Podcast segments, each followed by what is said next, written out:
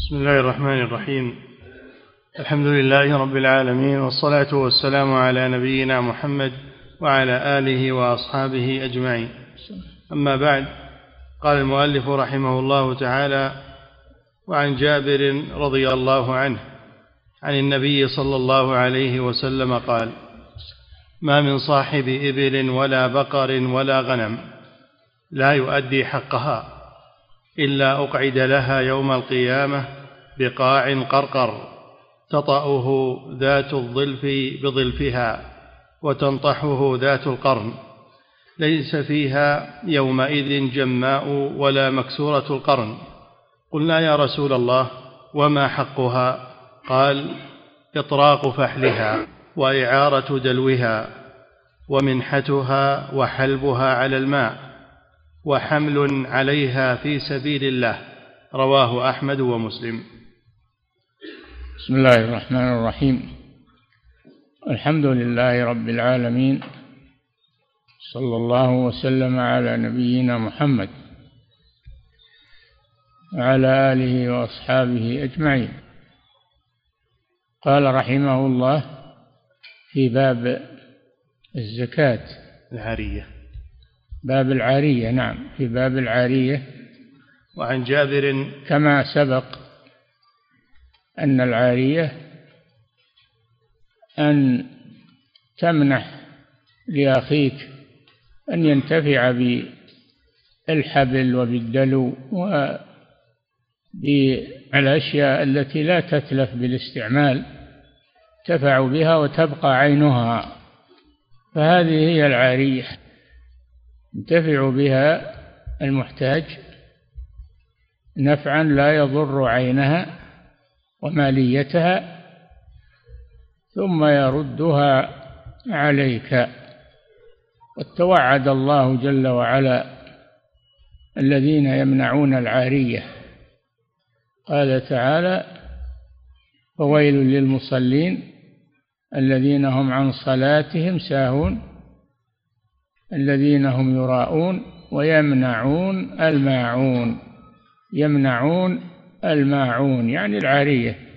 والماعون ما يحتاج إليه من حبل ودلو وقدر ونحو ذلك مما ينتفع به المحتاج ثم يرده ولا ينقص من عينه شيئا.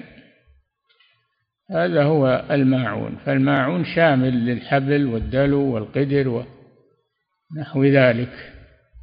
الماعون يعني حاجة التي يحتاجها الناس. فهذا من حق الأموال على أصحابها أن يعيروها للمحتاجين وأن المستعير يكون أمينا على ما تحت يده مما ينتفع به بأن يرده إلى صاحبه ولا ينقص منه شيئا. نعم. أعيد الحديث. وعن جابر رضي الله عنه عن النبي صلى الله عليه وسلم قال ما من صاحب إبل ولا بقر ولا غنم لا يؤدي حقها. هذه أموال زكوية الإبل والبقر والغنم هذه أموال تزكى تجب فيها الزكاة على تفاصيل في باب الزكاة. نعم. ما من صاحب إبل ولا بقر ولا غنم لا يؤدي حقها إلا أقعد لها يوم القيامة. أقعد لها يوم القيامة. أقعد لها حبس لها في مكان تمر عليه تمر عليه تطأه بأخفافها وتنهشه بأنيابها وكلما مر عليه آخرها رد عليه أولها في قاع قرقر خمسين ألف سنة وهو يعذب بها نسأل الله العافية. هذا مما يؤكد على صاحب المال من الإبل والبقر والغنم أن يؤدي حقها. الزكاة هذا حقها. وأيضا العارية ومثلا ضراب الفحل فيها يسمح به ولا يأخذ عليه شيئا. كذلك من من لبنها ونفعها. نعم. إلا أقعد لها يوم القيامة بقاع قرقر. تطأه يعني مستوي. نعم. تطأه ذات الظلف بظلفها. كالأغنام والبقر. نعم. وتنطحه ذات القرن. والإبل أيضا تطأه وتنطحه ذات القرون ذات ذوات القرون من البقر والغنم. نعم. ليس فيها يومئذ جماء. نعم يوم القيامة الجماء التي ليس لها قرون في الدنيا يكون لها قرون في الآخرة. نعم. ليس فيها يومئذ جماء ولا مكسورة القرن. نعم بل تكون كاملة القرن يوم القيامة. نعم. قلنا يا رسول الله وما حقها؟ قال إطراق فحلها. إطراق فحلها يعني السماح آه، بالفحل آه، السماح بضراب الفحل بدون أخذ ثمن عليه. نعم. وإعارة دلوها. وإعارة وإعارة دلوها. الدلو الذي يمتح فيه من البئر ليسقيها إذا احتاج إليه أحد يعيره إياه ليستقي به لأغنامه و... نعم. ومنحتها وحلبها على الماء. منحتها يعني المنيحة لأن يعيرها لمن يحلبها لمن يحلبها الذي ليس عنده ذوات حليب وهو محتاج يمنح له ما فيه حليب يأخذ منه الحليب وينتفع به. وهذا مما لا يضر الحيوان. نعم. وحمل عليها في سبيل الله. حمل عليها في سبيل الله يعني الجهاد. يحمل عليها إذا كانت من ذوات الحمل التي تصلح لأن يحمل عليها كالإبل. نعم. وحمل عليها في سبيل الله. يحمل عليها في ومن الحمل أيضا أن أن يمنحها للمجاهدين جاهدون عليها. نعم. رواه أحمد ومسلم. رواه أحمد في المسند يعني مسلم في صحيحه. نعم. كتاب إحياء الموات. إحياء الموات. والموات هو الأرض التي لم يسبق عليها ملك لأحد التي لم يسبق عليها ملكية لأحد ولا اختصاص. يكون مختصا بها أحد. أرض ليس عليها حق لأحد هذا الموات من الأرض. وإحياؤه أن يحفر فيه بئرا حتى يصل إلى الماء أو يجري إليه نهرا يجري إليه ماء من نهر. يسقيه وأن يخرج ما فيه من حصى وما فيه من موانع تمنع الزراعة. هذا إحياء الموات. نعم. كتاب إحياء الموات عن جابر رضي الله عنه أن النبي صلى الله عليه وسلم قال من أحيا أرضا ميتة فهي له. من أحيا أرضا ميتة يعني ليس عليها ملكية لأحد فهي له يعني يملكها بذلك. إذا أجرى عليها الماء أو غرسها أو زرعها فإنه يملكها بذلك. خصوصا إذا أصلحها وأخرج ما فيها من شجر ومن حجارة وأصلحها للزراعة فإنه يكون أحق بها. ويملكها بذلك. نعم. من أحيا أرضا ميتة فهي أما له. الأرض التي ليست ميتة الأرض التي عليها تملك لأحد أو اختصاص لأحد فليس لأحد أن يحييها بل هي لمن سبق إليها. من سبق إلى ما لم يسبق إليه مسلم فهو أحق به. نعم. من أحيا أرضا ميتة فهي له رواه أحمد والترمذي وصححه.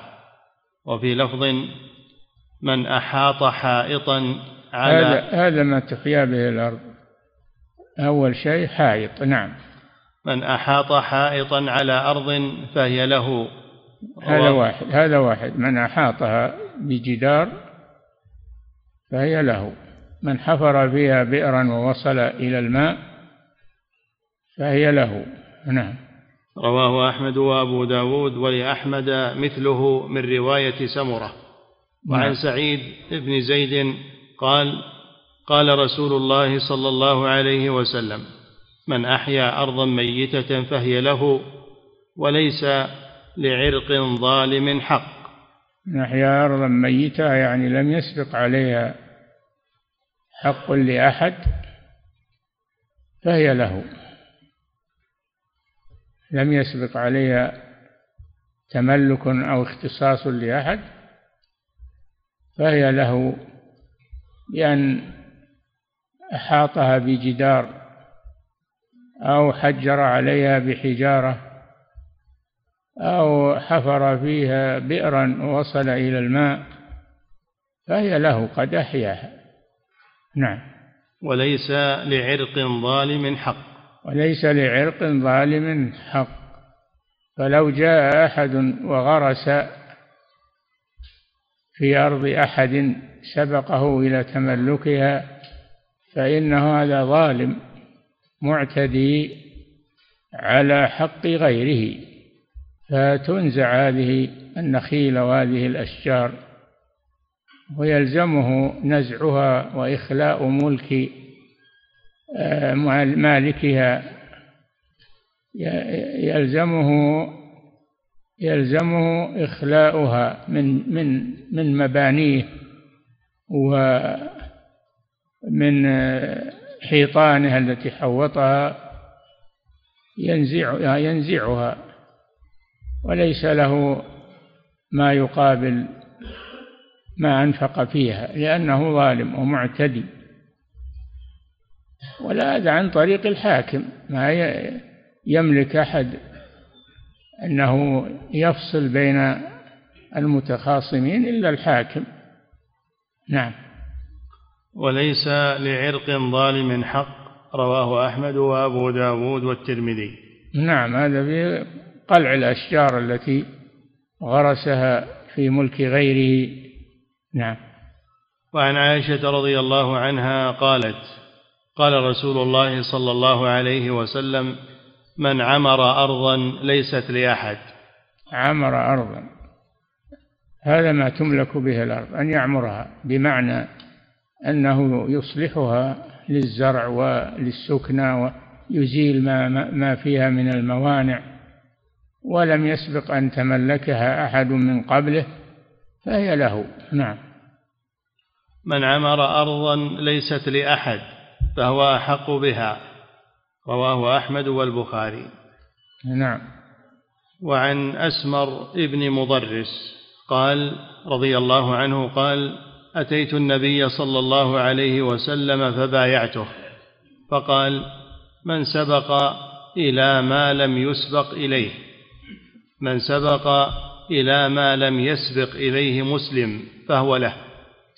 من سبق إلى شيء مباح لم يسبق إليه مسلم فهو له من عرض الموات أو غير ذلك مما لم يسبق عليه ملكية لأحد فهو له نعم.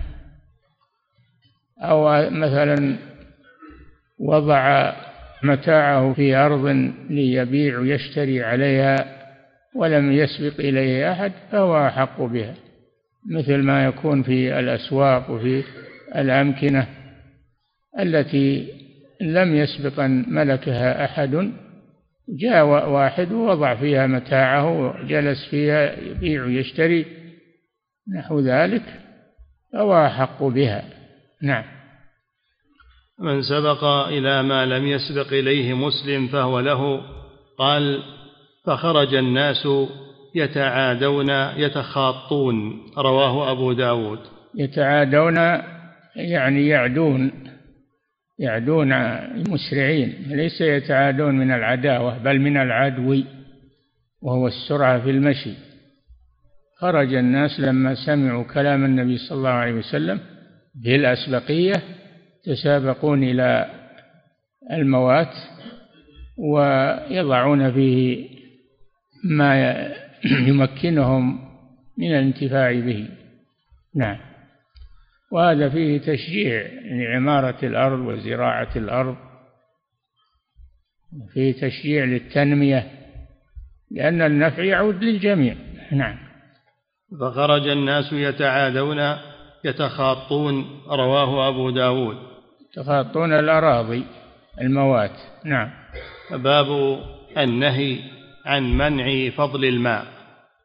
نعم النهي عن عن منع فضل الماء يعني الزيادة. فمن كان يملك بئرا أو يملك نهرا وأخذ منه حاجته فإنه يترك البقية للناس. إذا كان هذا في شيء مشترك مثل النهر مثل الوادي يأخذ منه قدر ما يحتاج ويترك البقية للمحتاجين ولا يسيطر على الوادي.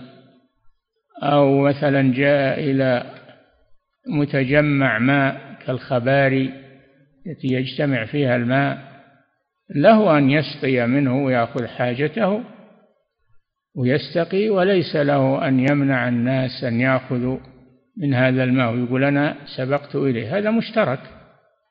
الناس شركاء في ثلاث في الماء والنار والكلاء الناس شركاء في هذه الثلاث. تأخذ حاجتك إذا سبقت وتترك البقية للناس. نعم. باب النهي عن منع فضل الماء. عن أبي هريرة رضي الله عنه عن النبي صلى الله عليه وسلم قال لا تمنع لا تمنعوا فضل الماء لتمنعوا به الكلى متفق عليه. لا تمنعوا فضل الماء لتمنعوا به الكلى يعني العشب. الناس شركاء في الماء وفي الكلى وفي النار أيضا. هذه الثلاث مشتركة بين الناس. من سبق إليها يأخذ حاجته منها ويترك البقية لمن يأتي وينتفع بها أو يأخذ منها شيئا. نعم.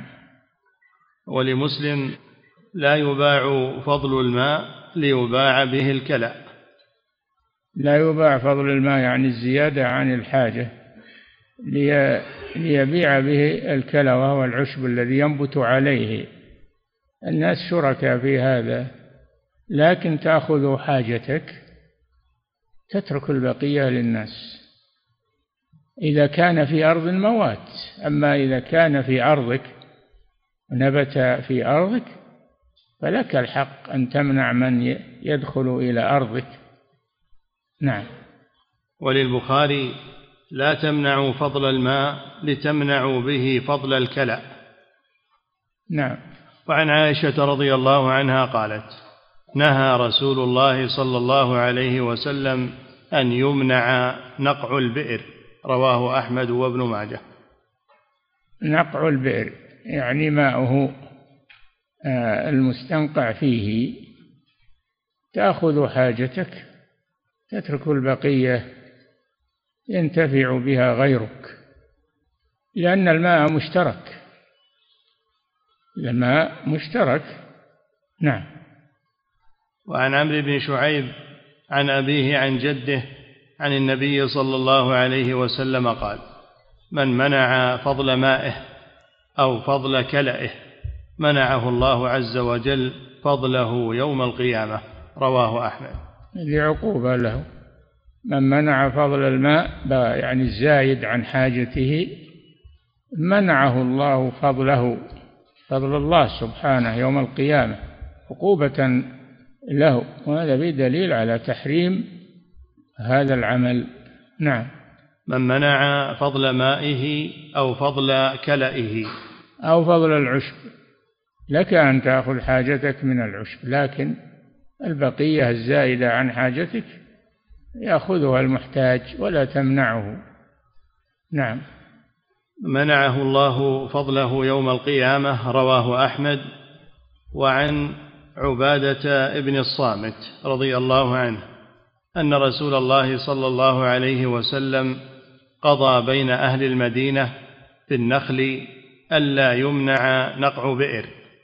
قضى وعن عبادة بن الصامت أن رسول الله صلى الله عليه وسلم قضى بين أهل المدينة في النخل ألا يمنع نقع بئر.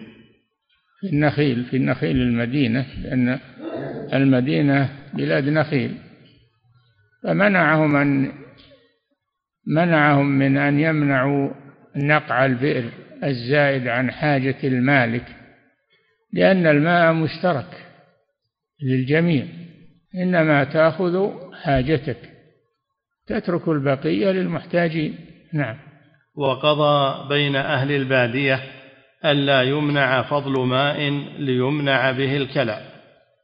أهل البادية البدو غير الحاضرة الذين يعيشون على الرعي وعلى التنقل إذا سبقوا إلى ماء أو إلى أو إلى واد فإنهم يأخذون قدر حاجتهم ويتركون البقية للناس ينتفعون بها ولا يسيطرون على الماء على النهر على الماء المتجمع بالخبار ونحوه ولا يسيطرون عليها لأنها مشتركة بين المسلمين. إلا إذا كان هذا الماء في داخل ملكه فله أن يمنع من يدخل على ملكه لأنه يتضرر إذا دخلوا ملكه. نعم. رواه عبد الله ابن أحمد في المسند نعم عبد الله بن أحمد بن حنبل. أكبر أولاد الإمام أحمد ولذلك يكنى الإمام أحمد بأبي عبد الله. هذا أكبر أولاده ومن بعده صالح وهم فقهاء علماء كبار. نعم. رواه عبد الله بن أحمد في المسند.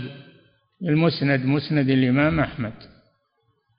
والمسند معناه أن يروي المحدث عن ال عن يروي المحدث عن أصحاب الحديث ما روى روى كل راو يجمع في مكان واحد. مثلا مسند جابر تجمع فيه كل الأحاديث الواردة عن جابر. مسند عبد الله بن عباس وهكذا هذا معنى المسند أنه يجمع كل ما روي عن هذا الصحابي في محل واحد في كتاب واحد يسمى المسند. ومنه مسند الإمام أحمد رحمه الله فإنه يروي عن كل صحابي ما ورد عنه مما آه، مما بلغ الإمام أحمد يجمعه في مسند فلان مسند فلان مسند هذا المسند. نعم. باب الناس شركاء باب الناس شركاء في ثلاث. نعم. وشرب الأرض العليا قبل السفلى إذا قل الماء أو اختلفوا فيه. باب. الناس شركاء في ثلاث. الناس شركاء في ثلاث كما سبق. هذه الثلاث هي الماء والكلى يعني العشب النابت على الأرض الموات والنار. ذات النار الجمر أو النار اللي هي يعني ما تستخرج منه النار كالأشجار التي تستخرج منها النار. نعم. وشرب الأرض العليا قبل السفلى. إذا نعم. قل... إذا كان الوادي يمر على الناس فإن الأعلى يأخذ منه حاجته.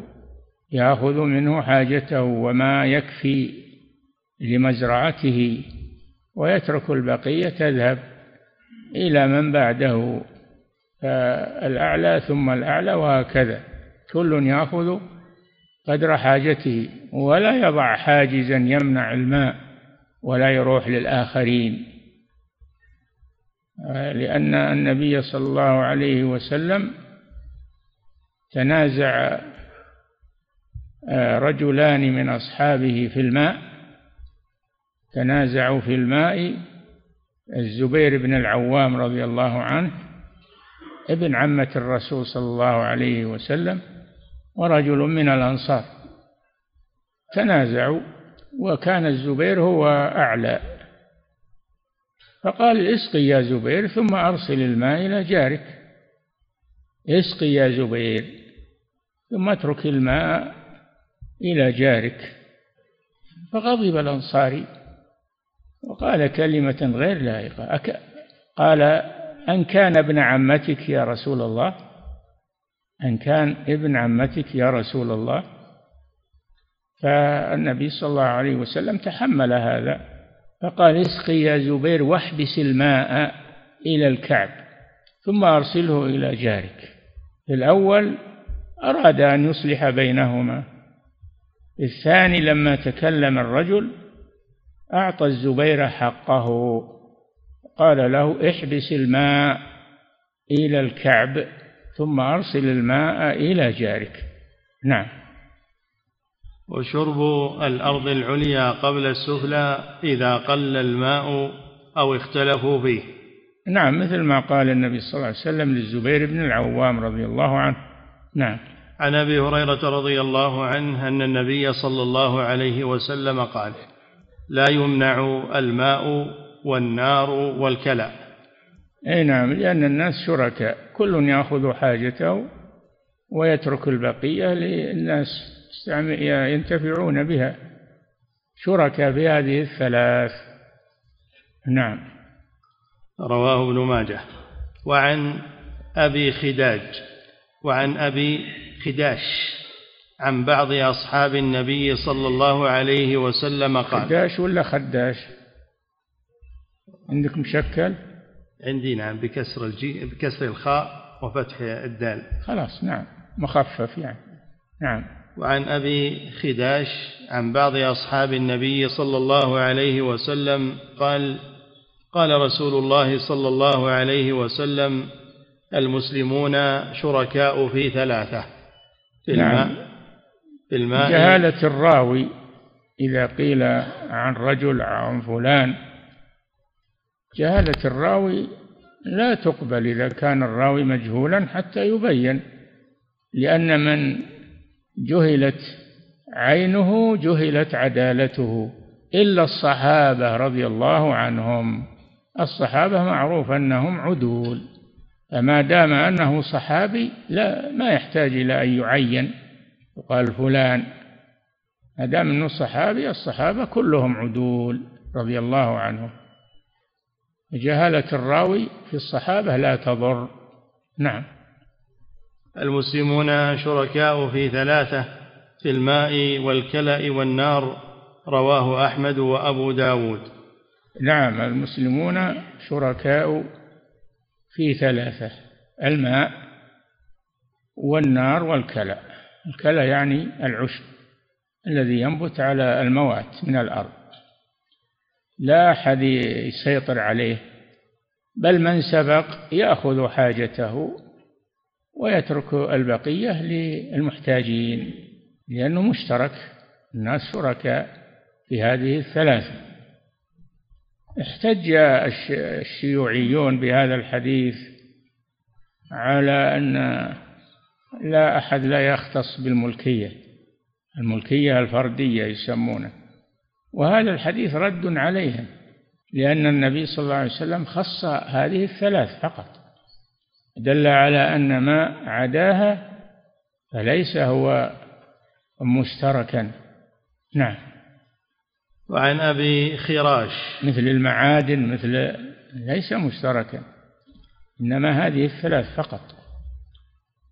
نعم فكون الرسول حددها وعينها دليل على أن الناس شركاء في البقية. نعم.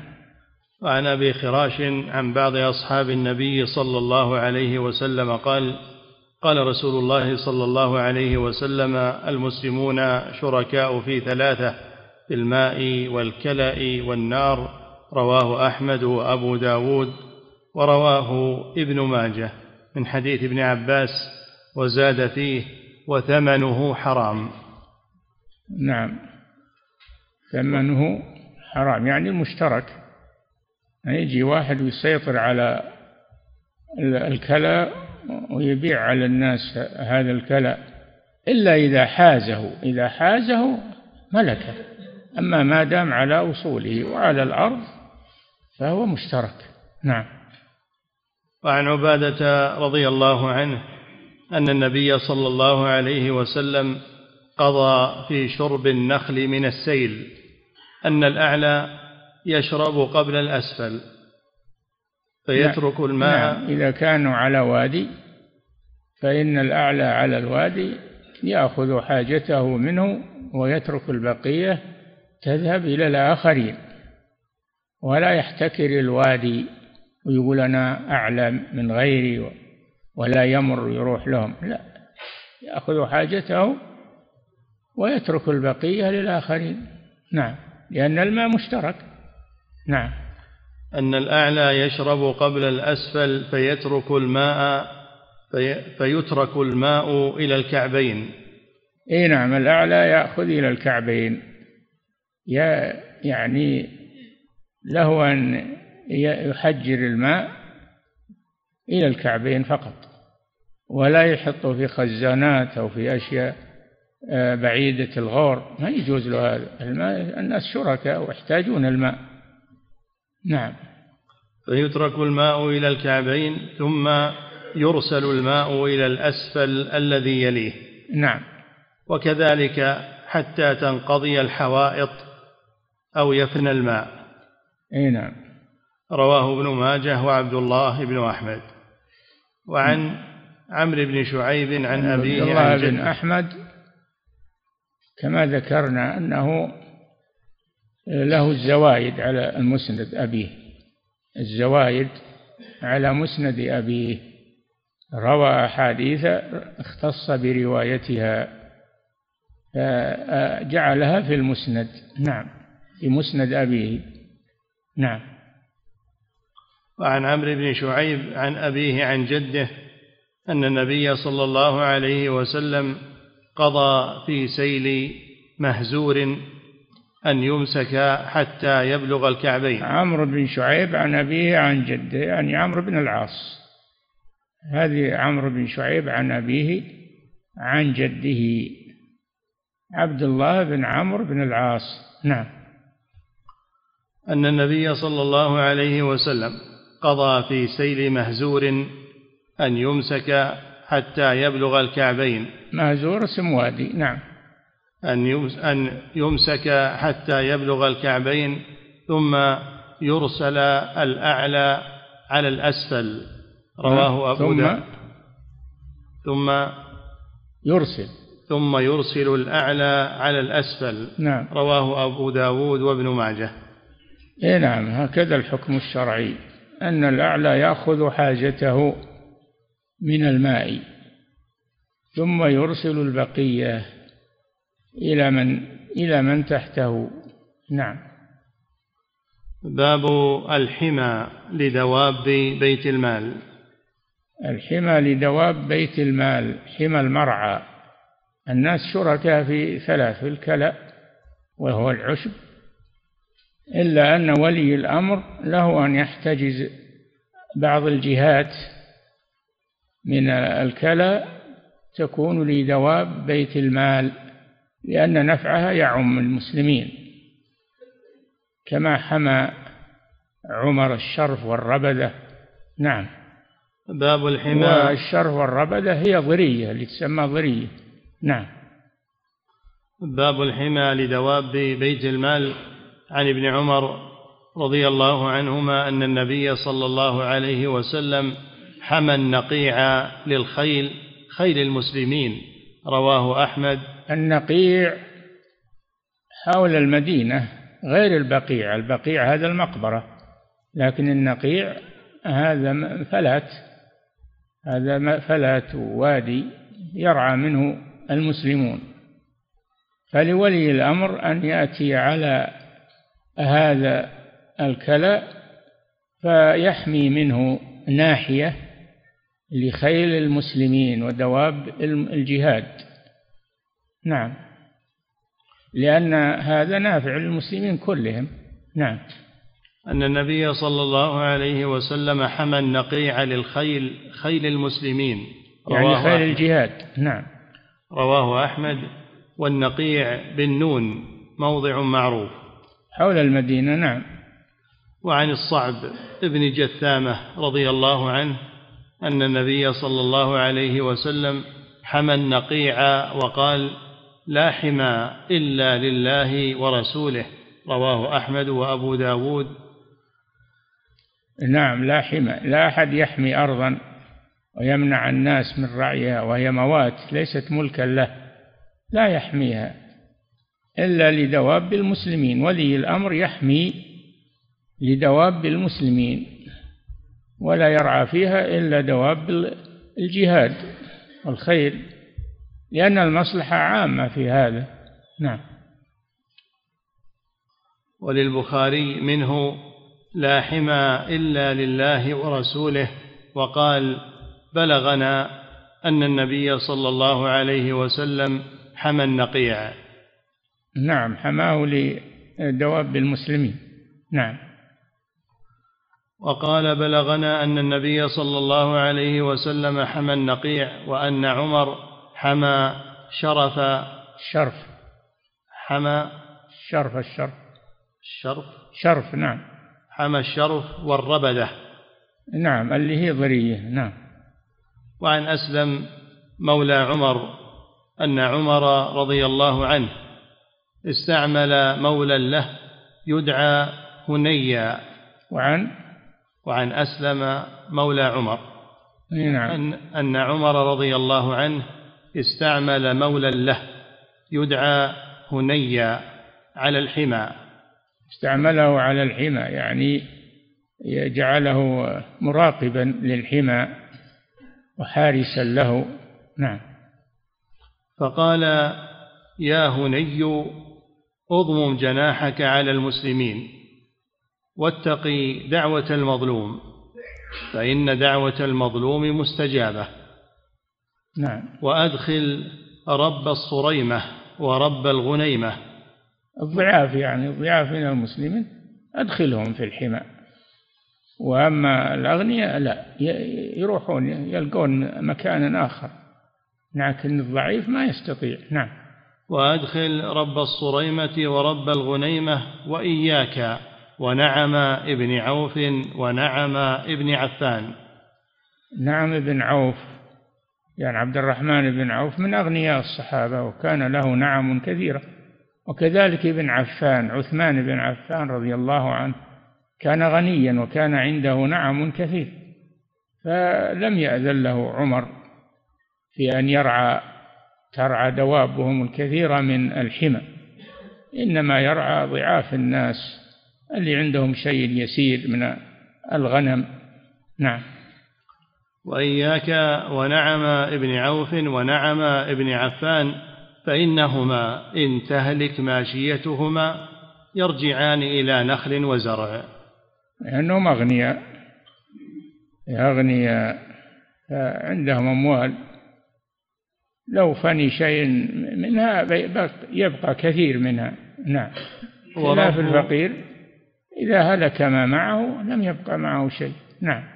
ورب الصريمة ورب الغنيمة إن تهلك ماشيتهما يأتيني ببنيه يقول يا أمير المؤمنين أفتاركهم أنا لا أبا لك؟ أي نعم إذا هلك دواب الفقير هلكت دواب الفقير يأتي إلى عمر الخليفة ويطلب منه أن يعوضه. يقول هل ترى أني أتركه؟ لا أم لك فهذا دليل على أن الفقير يمكن من الرعي من الحمى. وأما الغني فيستطيع أنه يذهب بعيدا و ولو هلكت دواب عنده أموال كثيرة غيرها خلاف راعي الغنيمة والصريمة. إذا هلكت ما يبقى عنده شيء. نعم. فالماء والكلأ أيسر علي من الذهب والورق. يعني من بيت المال. نعم. ويم الله إنهم ليرون أني قد ظلمتهم إنها لبلادهم قاتلوا عليها في الجاهلية وأسلموا عليها في الإسلام. والذي نفسي بيده لولا المال الذي أحمل عليه في سبيل الله ما حميت عليهم من بلادهم شيئا. رواه البخاري. هذا كلام عمر رضي الله عنه. يبين أنه إنما حمى بعض المراعي لدواب المسلمين دواب بيت المال. وهذا لمصلحة الجميع. نعم. باب ما جاء في إقطاع المعادن. نعم إقطاع المعادن. معادن ما يكون في الأرض مخزونا في الأرض من الذهب والفضة والنحاس وغير ذلك لولي الأمر أن يقطع أن يقطع هذه الأرض التي فيها المعادن آه، لبعض الناس صلاحياته من صلاحياته كذلك ليستخرجها ليستخرجها ويعمل عليها ما هي على طول إنها أموال مكدسة لا. تبي نفقة وتبي عمل وتبي استخراج تبي تنقية. نعم. باب ما جاء في إقطاع المعادن عن ابن عباس رضي الله عنهما قال أقطع رسول الله صلى الله عليه وسلم بلال بن الحارث المزني معادن القبلية. قبليه القبلية. معادن القبلية. إي نعم ليستخرجها ويصلحها ويتعب عليها وهي له. فدل على جواز إقطاع آه، بعض المعادن التي في, في الأرض من الذهب والفضة والنحاس والزرنيخ وغير ذلك. نعم. أقطع رسول الله صلى الله عليه وسلم بلال ابن الحارث المزني معادن القبلية جليسها وغويرها وحيث يصلح الزرع من قدس ولم يعطه حق مسلم. نعم. أقطع رسول الله صلى الله عليه وسلم بلال بن الحارث المزني معادن القبلية جليسها وغويرها وحيث يصلح وحيث يصلح الزرع من قدس. يصلح زرع. الزرع من قدس. يقول قدس في النهاية جبل معروف. إيه، اسم جبل قدس. نعم. ولم يعطه حق مسلم. نعم مختص بأحد. أعطاه شيئا عاما. طالع لنا شرح هذا الحديث. قوله القبلية منسوب إلى قبل بفتح القاف والموحدة وهي ناحية من قبل قبلية القبلية. نعم. منسوبة إلى قبل قبل بفتح القاف والموحدة وهي ناحية موحدة يعني الباء. نعم. وهي ناحية من ساحل البحر بينها وبين المدينة خمسة أيام. وفي نعم. رواية لأبي داود مع معادن القبلية وهي من ناحية الفرع وقد تقدم مثل هذا. وقوله الفرع الفرع الفرع اللي تسمى الآن الفرع حول المدينة نعم. وقوله جلي جليسها بفتح الجيم وسكون اللام وكسر السين والجلس كل مرتفع من الأرض ويطلق على أرض نجد كما في القاموس. نعم. وغويرها بفتح الغين المعجمة وسكون الواو وكسر الراء نسبة إلى غور. قال في القاموس إن الغور يطلق على ما بين ذات عرق إلى البحر وكل من حدر مغربا عن تهامه وموضع منخفض بين القدس بين القدس وحوران. مسيرة ثلاثة أيام في عرض فرسخين وموضع في ديار بني سليم. والمراد ها هنا المواضع المرتفعة والمنخفضة من معادن القبلية. وقوله من قدس بضم القاف وسكون الدال وهو جبل عظيم بنجد كما في القاموس. وقيل الموضع المرتفع الذي يصلح للزرع كما في النهاية. نعم. انت يكفي والله تعالى. نعم. ولم يعطه حق مسلم رواه أحمد وأبو رواه أحمد وروياه أيضا من حديث عمرو بن عوف المزني. نعم. وعن أبيض ابن حمال أنه يكفي. وعن إيش؟ أبيض ابن حمال. حمار ها سم. بن حمار كذا ولا حمار؟ لعلها بالجيم؟ بعض النسخ جمال وبعض النسخ حمال بالحاء. جمال ها؟ آه. حمال. نعم. يخلي الدرس القادم إن شاء الله. نعم. فضيلة الشيخ وفقكم الله. يقول في قول الرسول صلى الله عليه وسلم في حق الإبل والغنم والبقر قال وحلبها على الماء. يقول الشوكاني رحمه الله والمراد حلبها على الماء لنفع من يحضر من المساكين. هل هذا المعنى المذكور صحيح؟ إيش؟ يقول في قول الرسول صلى الله عليه وسلم عن حق الإبل والبقر والغنم وحلبها على الماء. يقول الشوكاني رحمه الله والمراد حلبها على الماء لنفع من يحضر من المساكين.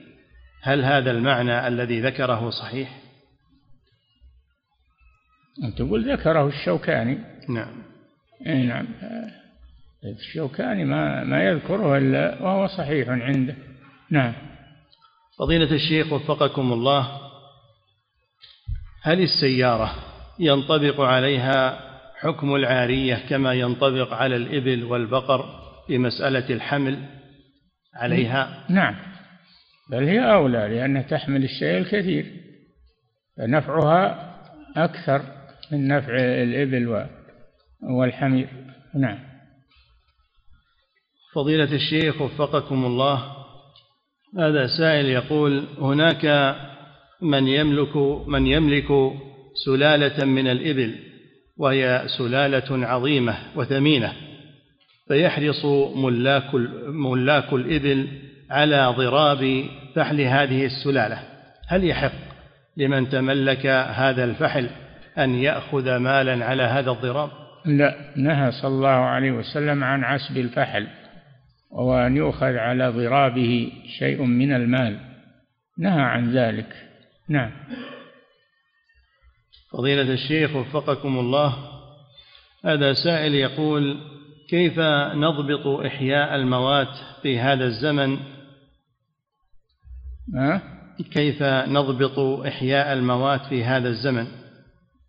الآن صار ما أحد يحيي الموات لأنه كثر كثرت الشحنة والاعتداء من الناس بعضهم على بعض فمنعت الحكومة ذلك إلا بأمر من ولي الأمر. ما حد يملك أو يحيي إلا بأمر من ولي الأمر قطعا للنزاع وذرأ للفتنة بين الناس. نعم. فضيلة الشيخ وفقكم الله هذا سائل يقول عندي بئر قمت بحفرها داخل مزرعتي فهل يجب علي أن أقوم بدفع الماء إلى جاري أو لي أن أمنعه من ذلك؟ ماء بئرك لك إذا أردت أن تتفضل على جارك شيء طيب. نعم إنما الكلام في الماء الجاري في في النهر أو في الوادي هذا هو الذي نعم. فضيلة الشيخ وفقكم الله هذا سائل يقول إذا أوقدت نارا في البر ثم أتى شخص وطلب من وطلب مني حطبة من هذه النار فهل لي أن أرده وأمنعه؟ طلب مني حطبة يقول جمرة يعني. حطب والحطب هذا ملكك أما الجمر لا لا تمنعه. نعم. فضيلة الشيخ وفقكم الله هذا سائل يقول ما حكم وضع المحميات من قبل ولي الأمر وما حكم منع الاحتطاب لعلة انقراض نبات الحطب؟ هل لذلك أصل في الشرع؟ إذا رأى ولي الأمر المصلحة في ذلك له أن أن يمنع ما فيه مضرة على الناس. نعم. فضيلة الشيخ وفقكم الله هذا سائل يقول بعض أصحاب القرى يسمون الأشجار التي في أوديتهم حتى لا يحتطب منها أحد غيرهم ويقولون هذه الأشجار لا يحطبها غيرنا. هل لهذا الفعل أصل في الشرع أم أنه مشترك بين الناس كاشتراكهم في النار؟ النابت في أرضهم لهم أن يحتجزوه وأما النابت في خارج أملاكهم فهو للجميع من سبق إليه. نعم. فضيلة الشيخ وفقكم الله هل في فعل عمر رضي الله عنه عندما منع الحمى عن الأغنياء وأباحه للفقراء هل فيه دليل على إباحة تقسيم أموال المسلمين حسب الحاجة عليهم؟ تقسيم من بيت المال يعطى المحتاج من بيت المال. ومن منحه السلطان شيئا فهذا من صلاحيات الإمام لا نعترض عليه. نعم. فضيلة الشيخ وفقكم الله هذا سائل يقول كيف يكون الاشتراك في النار الوارد في الحديث؟ اشتراك في النار الجمر جمر النار. لو جاء واحد يبي ياخذ من من الجمر ما يوقد به لنفسه فلا مانع من ذلك لا تمنعه أو تبيع عليه. نعم.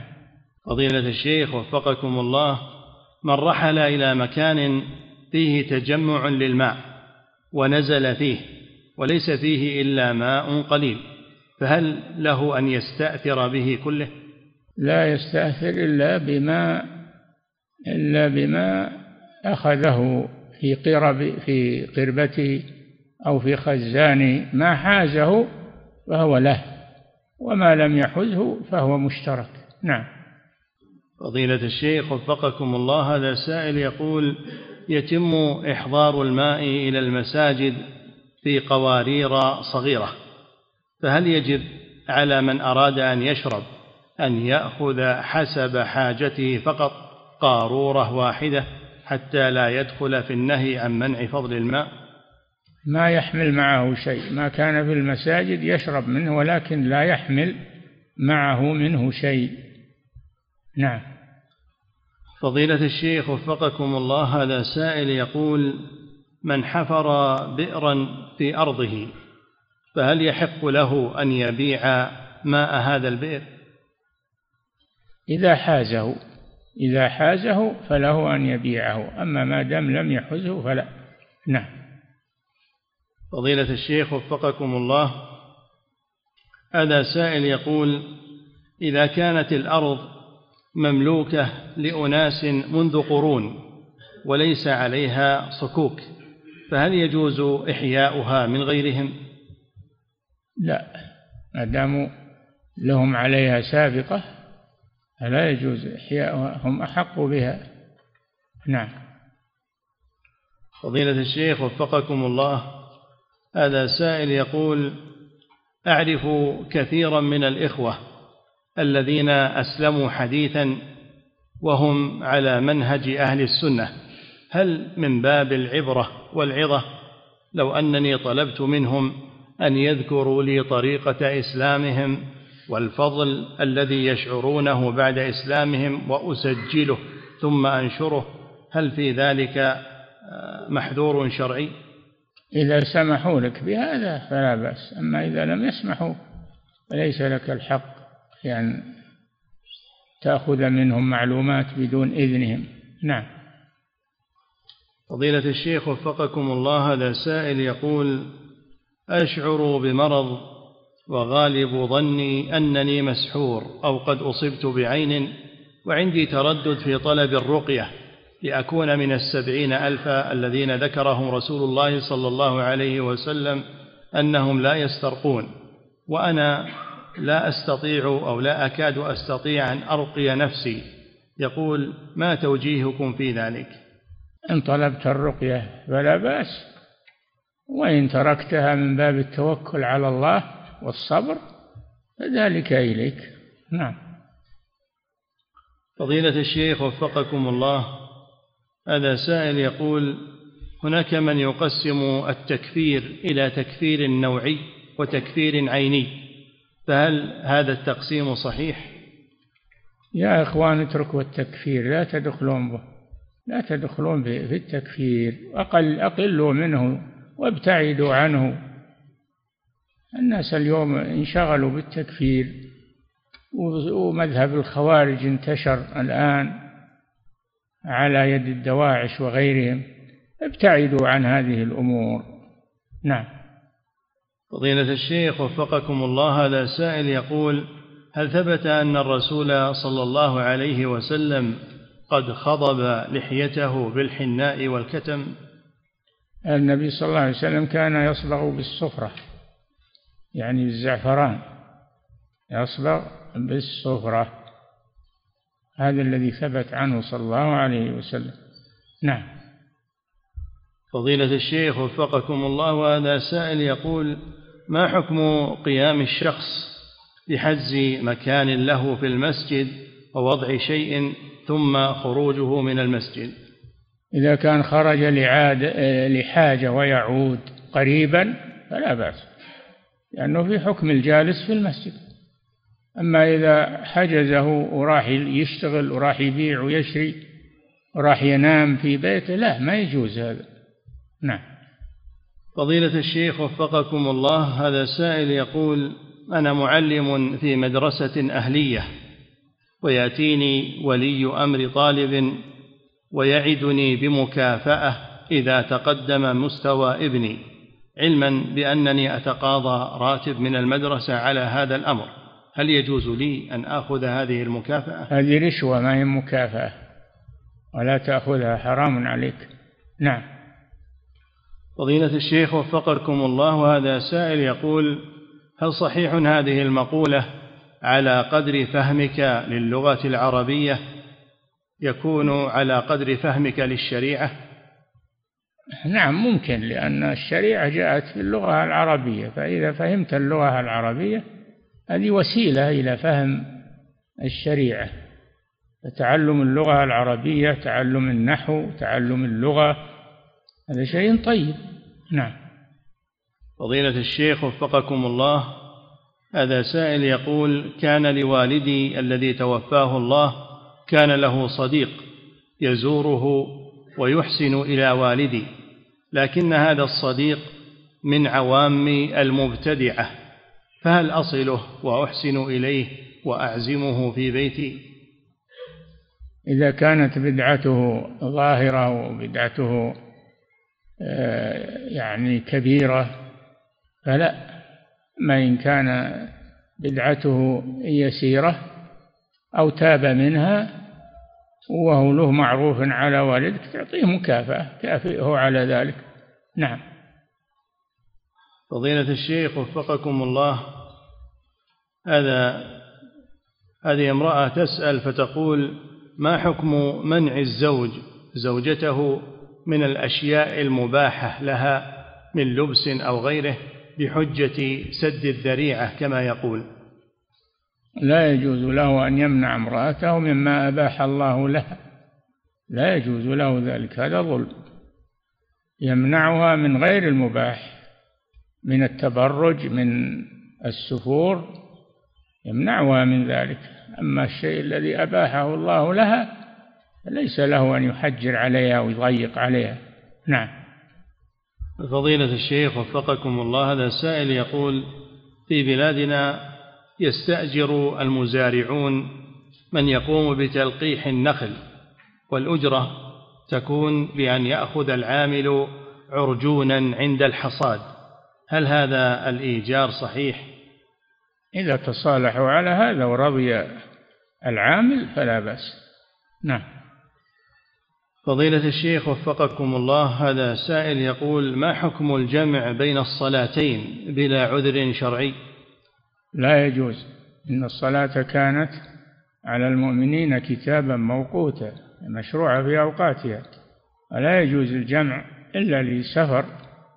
يبيح القصر أو لمرض أو الجمع بين المغرب والعشاء لأجل مطر ووحل نعم.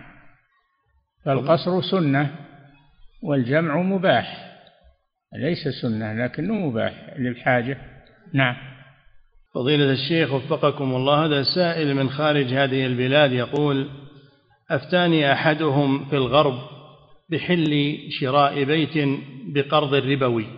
ففعلت. ما الواجب علي الآن بعد أن علمت بالحرمة؟ وهل يحق لي أن أؤجر هذا البيت وأدفع الأجرة في سداد هذا القرض؟ والله البيت اللي فيه, فيه ربا تخلص منه. تخلص منه ولا تستمر على ملكه وهو من ثمن الربوي. نعم. فضيلة الشيخ وفقكم الله. هذا سائل يقول ما كيفية إخراج زكاة الرواتب؟ إذا اجتمع عندك مال وحال عليه الحول تزكي تخرج ربع العشر. نعم. فضيلة الشيخ وفقكم الله هذا سائل يقول رجل يسكن بعيدا عن المسجد. سؤاله ما مقدار المسافة؟ التي يجب عليه أن يلبي النداء إلى الصلاة فيها. إذا سمع النداء إذا سمع النداء بالصوت المجرد من غير مكبر صوت يجب عليه الحضور. إن سمع النداء فلم يأته لا صلاة له إلا من عذر. نعم.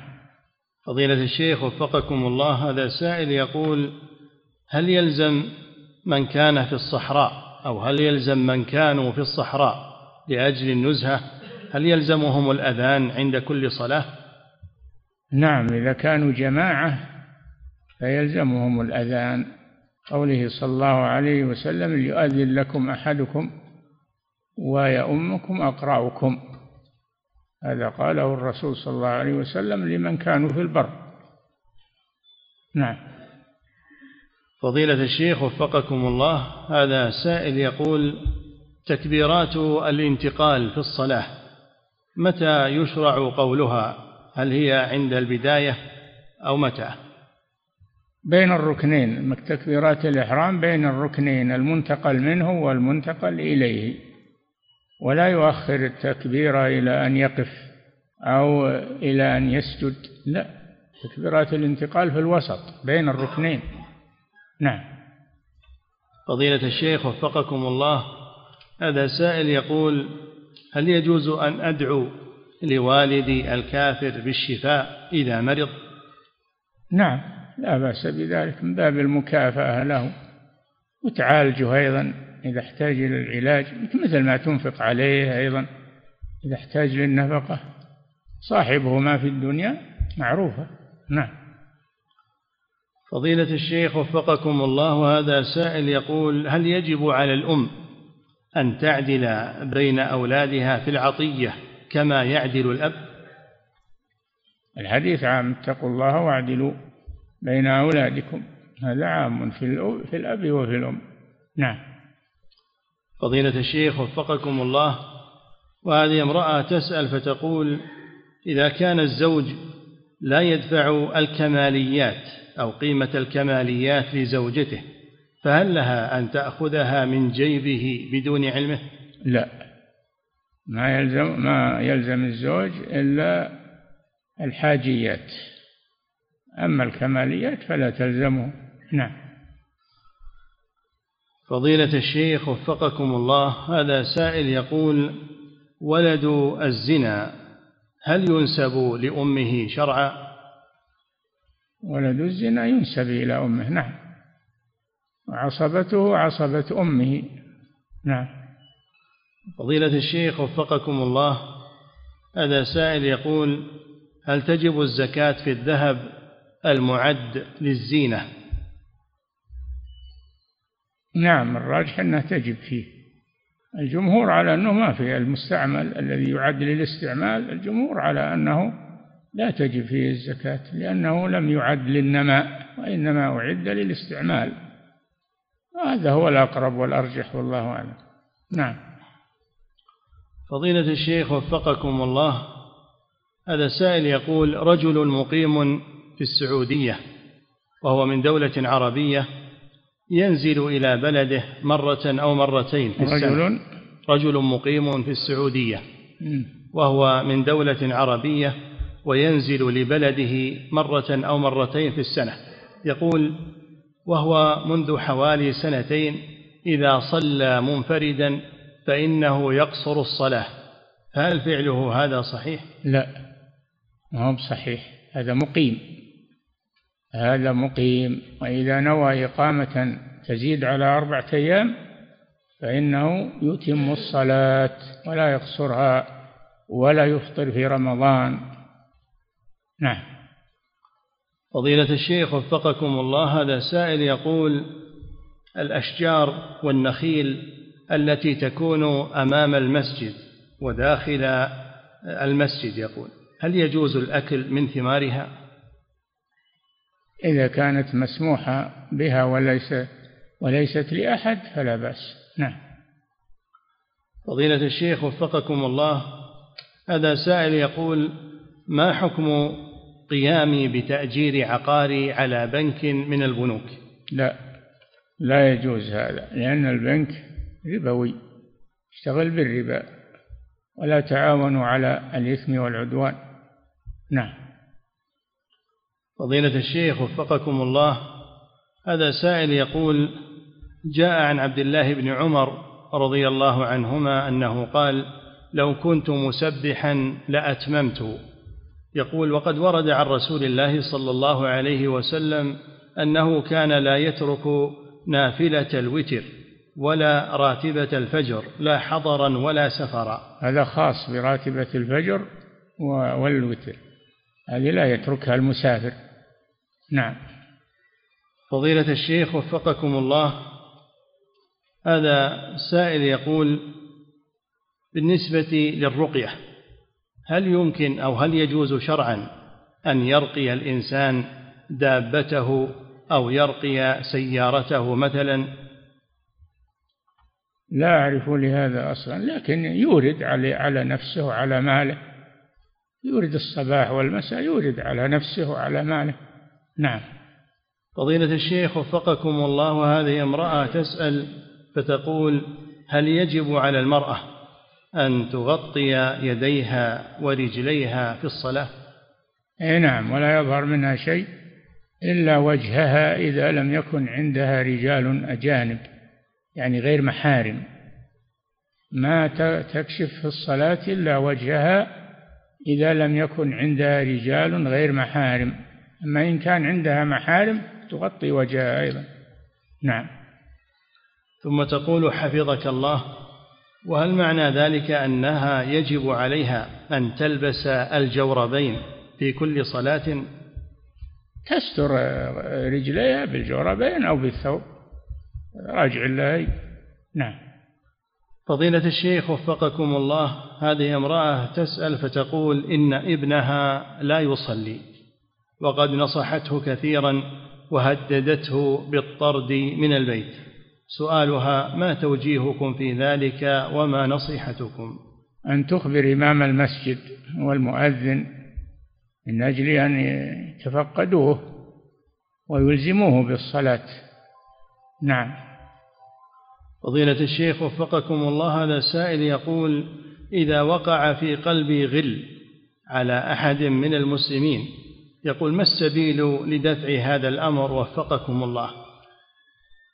هذا راجع إليك. لا اذهب اذهب الغل وحل محله المحبة و... نعم.